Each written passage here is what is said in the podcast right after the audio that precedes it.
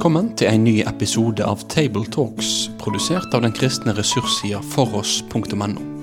På foross.no får du tilgang til tusenvis av solide, oppbyggelige og korsforankra ressurser. Vil du være med og støtte dette arbeidet økonomisk? Da kan du gjerne gi de gaver til Foross på VIPS nummer 70979. Vi håper at du setter pris på dagens episode av Tabletalks.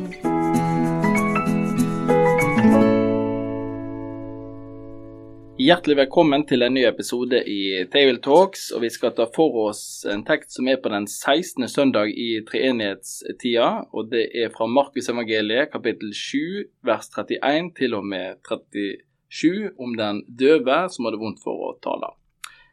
Jeg heter Vegard Soltveit, jeg har jobba i Indremisjonsforbundet og i Den norske Israelsmisjonen. Nå jobber jeg i Tine, og med oss, eller med meg, så er Espen Hetland, og jeg er redaktør for Logos bibelleseplan.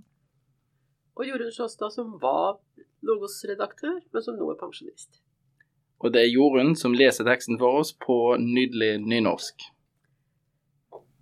Siden dro Jesus bort att fra Tyros-området. Han tok veien om Sidon og drog mot Galileasjøen gjennom Dekapolislandet. Der førte de til han en mann som var døv og hadde vondt for å tale og de ba han legge hendene på ham. Jesus tok han med seg bort fra folket. Han stakk fingrene sine i øret hans, tok spytt og rørte ved tunga hans. Så så han opp mot himmelen, sukka og sa til ham, Efata, det tyder lat deg opp. Med det samme ble øret hans åpna, og bandet som batt tunga hans, ble løst så han tala reint. Jesus forbød deg å seie det til noen, men de mer han forbød det, de mer gjorde de det kjent. Folk undra seg storleg og sa, alt han har gjort er godt, han får døve til å høre og stumme til å tale. I forberedelsen til denne teksten her så har jeg kost meg ekstra mye. Jeg eh, setter pris på de tekstene som liksom må knekke litt opp og finne ut av detaljer. Og da får liksom åpenbart litt mer. Og her er det, her er det mye å knekke opp i. Eh, så vi begynner med å bare ta litt av konteksten og, og plasseringa vi er i, eh, i landet og, og, i teksten. Markus poengterer her at Jesus har forlatt Tyros-området, beveger seg mot Sidon og drar mot Galileasjøen gjennom Dekapolis-landet. Eh, så han beveger seg altså i hedningområder. Eh, på den tida som Markus skrev, så hadde en antageligvis ikke et veldig nært forhold til kart, og en forholdt seg ikke til geografi på samme måte som en gjør nå. Eh, så det denne beskrivelsen er ikke nødvendigvis for at leseren skal sitte og tenke ah, der i landet er Jesus. Men det er de kulturelle omstendighetene som er viktige. Og Det som eh, går igjen her, er at Jesus beveger seg i hedningområder. Det er altså ikke i det blant det tradisjonelle israelsfolket. Og så leser vi om, eh, en, eh, om folk, her kalt de, som fører en mann som var døv og hadde vondt for å tale til Jesus. Og Her står det heller ikke at de er hedninger, men, men konteksten gjør det i hvert fall veldig nærliggende å tenke at de er det. Når de eh, kommer til Jesus med mannen, så tar Jesus mannen bort ifra folkemengden. Eh, her er det jo en gyllen anledning for Jesus til å vise sin eh, makt og sin kraft. Eh, men han tar han bort ifra folkemengden. Han skal ikke gjøre et stort spetakkel ut av dette. Han skal ikke helbrede mannen for å vise hvem han er, men han gjør dette for å helbrede mannen og møte mannen der han er. Ja, så der har vi litt av konteksten det er jo en veldig rar eh, måte det vil, Jeg tenker mange vil jo lese dette og tenke det, det er litt rart, denne teksten òg. For um, altså Jesus sin vanlige uh, måte å helbrede folk på, er jo å ta hendene på dem med håndspåleggelse. Men vi kan vel si at han, her gjør han litt mer uh, ut av det. Og for en leser i dag så vil jeg kanskje tenke er ikke dette litt uhygienisk? Var dette helt nødvendig? Men der er det jo noen svar på det, Jorunn. For det er kanskje ikke så rart at han tar spytt og fingre i øret og sånn. Nei, jeg tenker han møtte mannen der han var. Altså, mannen At han var døv, da hørte han jo ikke hva som ble sagt. Men han har tydeligvis hørt så mye at han har lært seg å snakke. Eh, det vet vi jo kan skje. Eh, så på en måte bruker Når Jesus da snakker til ham, så kan vi jo regne med at kanskje han leste på leppene. Eh, og så gjør han det da på sin måte med et slags tegnspråk. Han er veldig fysisk med fingrene Mm. i ørene, med spytt fra bunn til munn. Så det Han tenker ikke at ja, jeg skal ikke gjøre jeg skal gjøre ikke med deg sånn som jeg gjorde med kvinna fra Fønikia, der han, hun som han snakka med, og der dattera ikke var til stede engang, som var sjuk. Men når mor kommer hjem, så er dattera frisk, Mm. fordi at Jesus har sagt et ord. Det kunne Jesus ha gjort her òg, men han tar altså mannen bort, unna folksynet, og så møter han og gjør det med mannen som mannen kan forstå, og følge, og erfare så, så si, tydelig og fysisk som det han gjorde her. Så tok, mannen tok Mannen ble tatt på alvor. Og så er det òg Jeg lest at det var en vanlig metode kanskje både på jødisk og romersk og gresk altså bruke en del spytt når, eh, i legekunst. Eh, Det er ikke helt vanlig i dag på norske sykehus, tror jeg, men eh, Sjeldnere og sjeldnere. ja, det er sjeldnere og sjeldnere. Men, men det er jo det som gjorde en innpå med kommunikasjon. Når mannen kanskje så dette med spyttet som ble brukt, så skjønte han nå skjer det noe. Kanskje det var andre som hadde prøvd før. Det vet vi ikke, det sier ikke teksten noe om. Men jeg tror denne kommunikasjonen som Jesus har, som du også Espen, han tar han til sides. Jeg, hvis jeg hadde vært hvis jeg ser på meg situasjonen, så ser jeg liksom som om Jesus ser han inn i øynene. Han viser tydelig hva som skjer. Og så gjør han to ting. Det ene er dette fysiske elementet, samme at han tar fingre, det er spytt og det er munn, han, han, er fysisk. Og det andre er dette han sier. Erfata, lukk deg opp. Eh, og dette er jo eh, Her er det jo påpekt plutselig at Det ser jo ikke vi den norske teksten, eller det er jo prøvd med Erfat-oversettelsen, da. Mm. At det står her for et annet. Men det er jo arameisk som kommer inn i en gresk tekst. Kanskje, det vet vi ikke heller, men at denne mannen snakket arameisk, det lille han kunne si. Mm. Sånn at han leste på Jesu leppe, så skjønte han òg hva han sa, uten at han hørte det. Plutselig så hører han.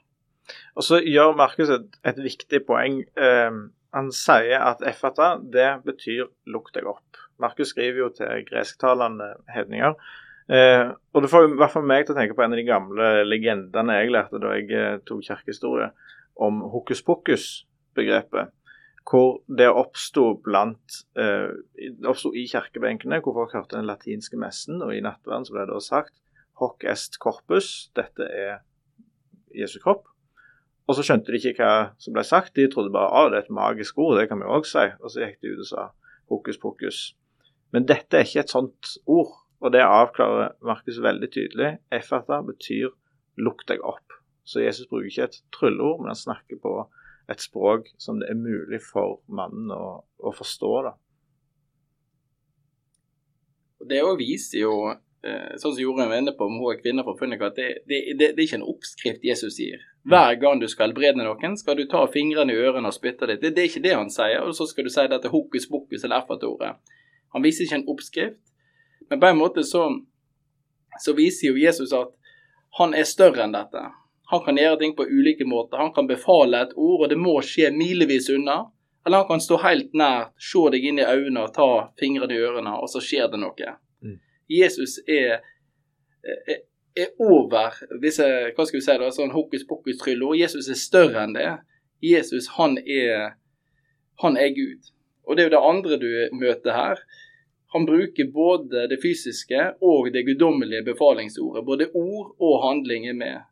Og På den måten så trekkes vi jo inn i et enda større bilde her, der Jesus viser både sin menneskelige natur og sin guddommelige natur. Som han er 100% hele tida. Det er ikke sånn at Jesus var Gud i versene før, når han kunne tale et ord, og her viser han sin menneskelige natur. Nei, han er menneske og Gud i begge avsnittene. Hele tida. Og Dette er jo et viktig lærepoeng i vår tro, som en kan, hvis en vil, bruke litt tid på denne, denne søndagen. Her vi ser dette i flott harmoni, det fysiske og det metafysiske som møter, og i denne enkle situasjonen med denne døve mannen som hadde vondt for å tale. Og Det er jo nettopp det vi gjør i feiringen av nattverden, og ikke minst i dåpen. Eh, nå når vi sitter og spiller dette, så er det faktisk bare to dager til jeg skal bære fram mitt eh, første barn til dåp. Eh, som jo er det gøyeste jeg skal gjøre på lenge, så det gleder jeg meg masse til. Og det er jo nettopp det som skjer der òg, er jo at det, det, er både ordet som blir sagt over barnet, og det fysiske vannet mm. eh, og korsets tegn. Eh, som jo òg er en omsorgshandling i møte med, med kirkas folk. Nettopp med at vi får fysisk ete brød, fysisk drikke vin, vi får fysisk vann over oss. At vi møter Guds nåde på en sånn fysisk måte. Men så undrer jeg på hva tenkte han mannen som ble helbreda? Eh, hva følte han? Ble han overraska? Ble han glad? Det måtte han tydeligvis ha blitt, fordi at uh, han uh, fikk forbud, egentlig, mot å si noe til andre.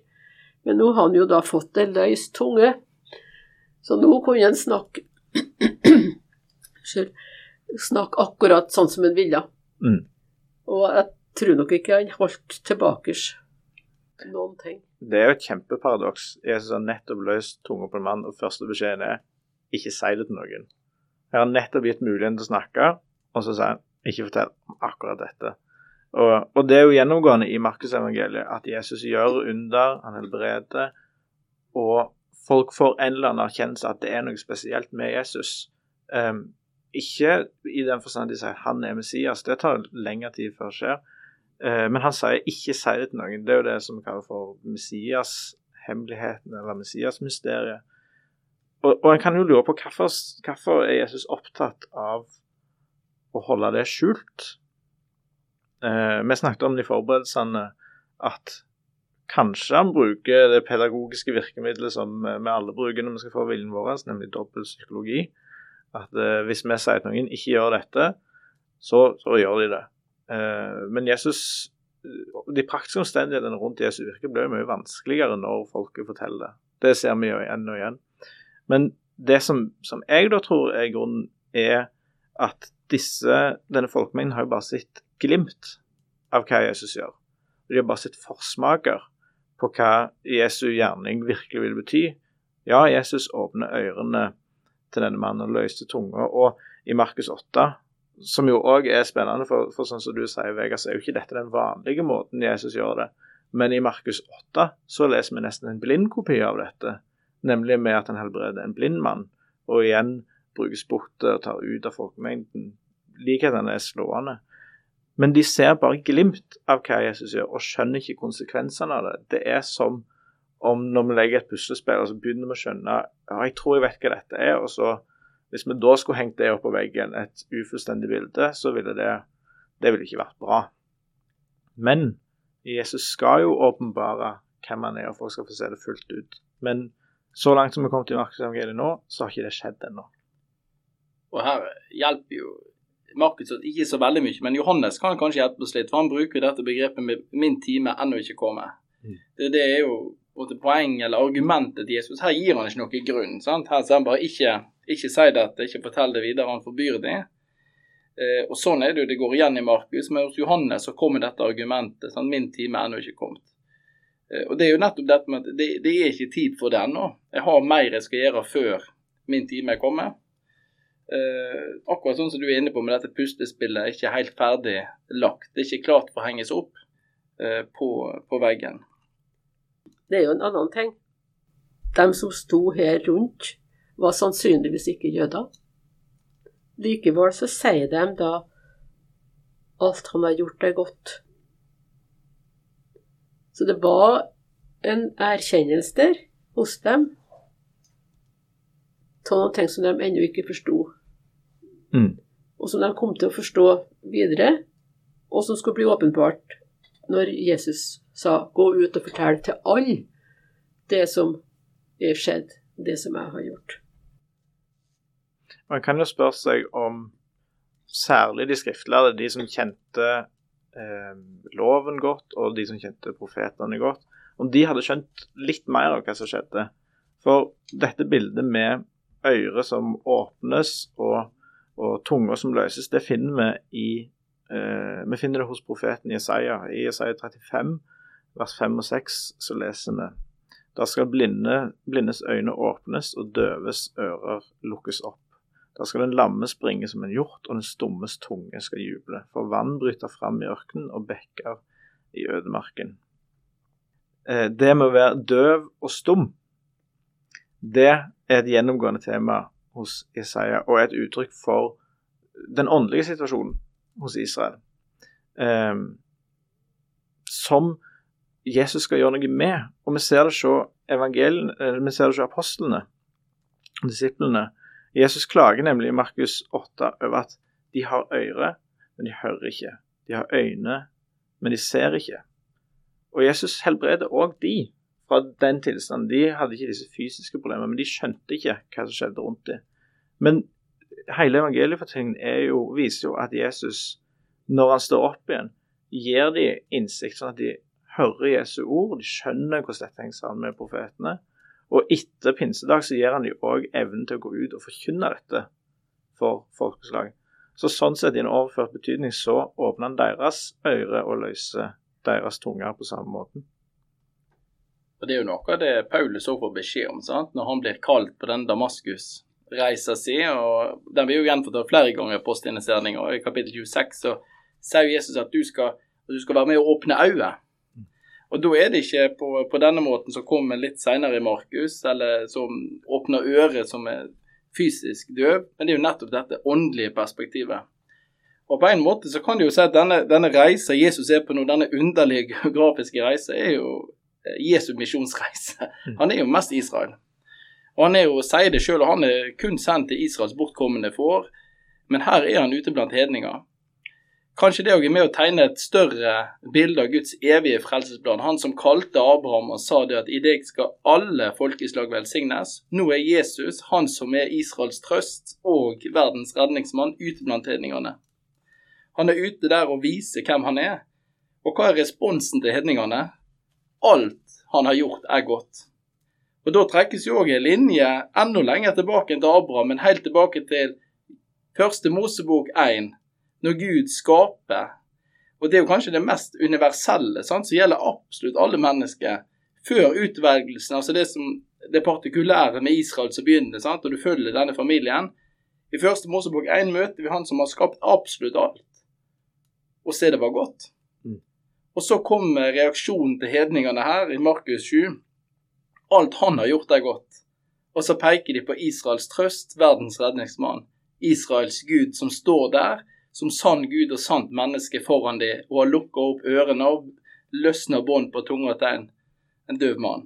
Det er ganske sånne lange og store linjer en får her. Uh, og, og, og, dette sukket Jesus har òg, som drar oss inn til en annen lesetekst i dag, som er fra Romerbrevet 8, det hele skaperverket sukker og lengter etter dette. En får dette universelle perspektivet eh, veldig godt fram, og Markus gir noen jeg syns han gjør noen gode manøvrer når han skriver dette, her, som trekker disse linjene.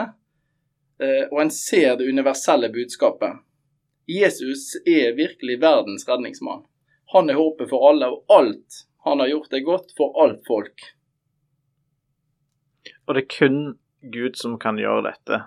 Når Moses, eh, da Moses møtte Gud i ildbusken, eh, så sier jo Gud sjøl hvem er det som gir mennesket munn? Hvem gjør stum eller døv, seende eller blind? Er det ikke jeg, Herren? Det, jeg tenker det er helt åpenbart at vi skal se linker her, sånn som du sier, Vegard, til, til skapelsen, til Javé, til profetene. Og dette tegner, selv om dette virker som at det ikke er planlagt fra Jesus' side, dette er bare noe som skjer mens han er ute og går. og Han bruker det ikke egentlig heller som en sånn offentlig demonstrasjon, så viser dette oss de lange linjene og hvordan Jesus sant menneske, sant Gud, er nettopp skaperguden, løftesguden, han som eh, er kommet igjen for, um, for, for å gi fanger frihet. Og så tenker jeg det at det er en tekst som ikke bare handler om den som var døv og har vondt for å snakke på den tida. Gud kan òg gjøre under i dag. Og både rent fysisk, men òg på det åndelige i den overførte betydning at ikke vi skjønner og ikke forstår uh, det Gud vil, at vi er døv eller blind sånn. Det kan Gud gjøre noe med. Og jeg tenker også, eh, siste poeng fra meg må jo være at i denne fortellinga så forbyr Jesus de å tale. Det forbudet er tatt vekk. Det siste Jesus sier før han reiser opp, er å gå ut og gjøre alle folkeslag. Altså forkynn, døp, lær opp. Og kanskje vi som hører på, kanskje noen som lytter til det du skal preike om, eh, trenger å få løst tunga si. Nettopp fordi at vi skal gå ut og gjøre alle folkeslag til disipler. Der vi er i nabolaget vårt, blant venner, ute i verden. Så det òg kan være en bønn denne dagen at han som løste tunga denne dagen, han kan gjøre det samme med oss i dag. Vekkelsen starter alltid med Guds folk. Det begynner alltid inne, i kjernen, og så breier det, seg utover. Så han som en gang sa 'Effata, lukk deg opp', han kan gjøre det samme akkurat i dag, akkurat nå, med oss. Og det kanskje skal være vår felles bønn, at vi skal få øre som hører, og tunge som kan tale. For forbudet, det er tatt vekk. Gå ut og gjør alle folkeslag til disipler. Og med det så kan vi vel si tjen Herren med glede, og din neste med glede. Da vil vi si takk for at du valgte å få med deg denne episoden av Tabletalks, produsert av den kristne ressurssida foross.no. Driftinga og utviklinga av nettsida vår den er avhengig av gode og trufaste støttespillere. Vil du gi ei gave til dette arbeidet? Da kan du gi den via VIPS nummer 70929, eller så kan du besøke foross.no for mer informasjon om å kunne bli en fast giver. Ha en god dag videre.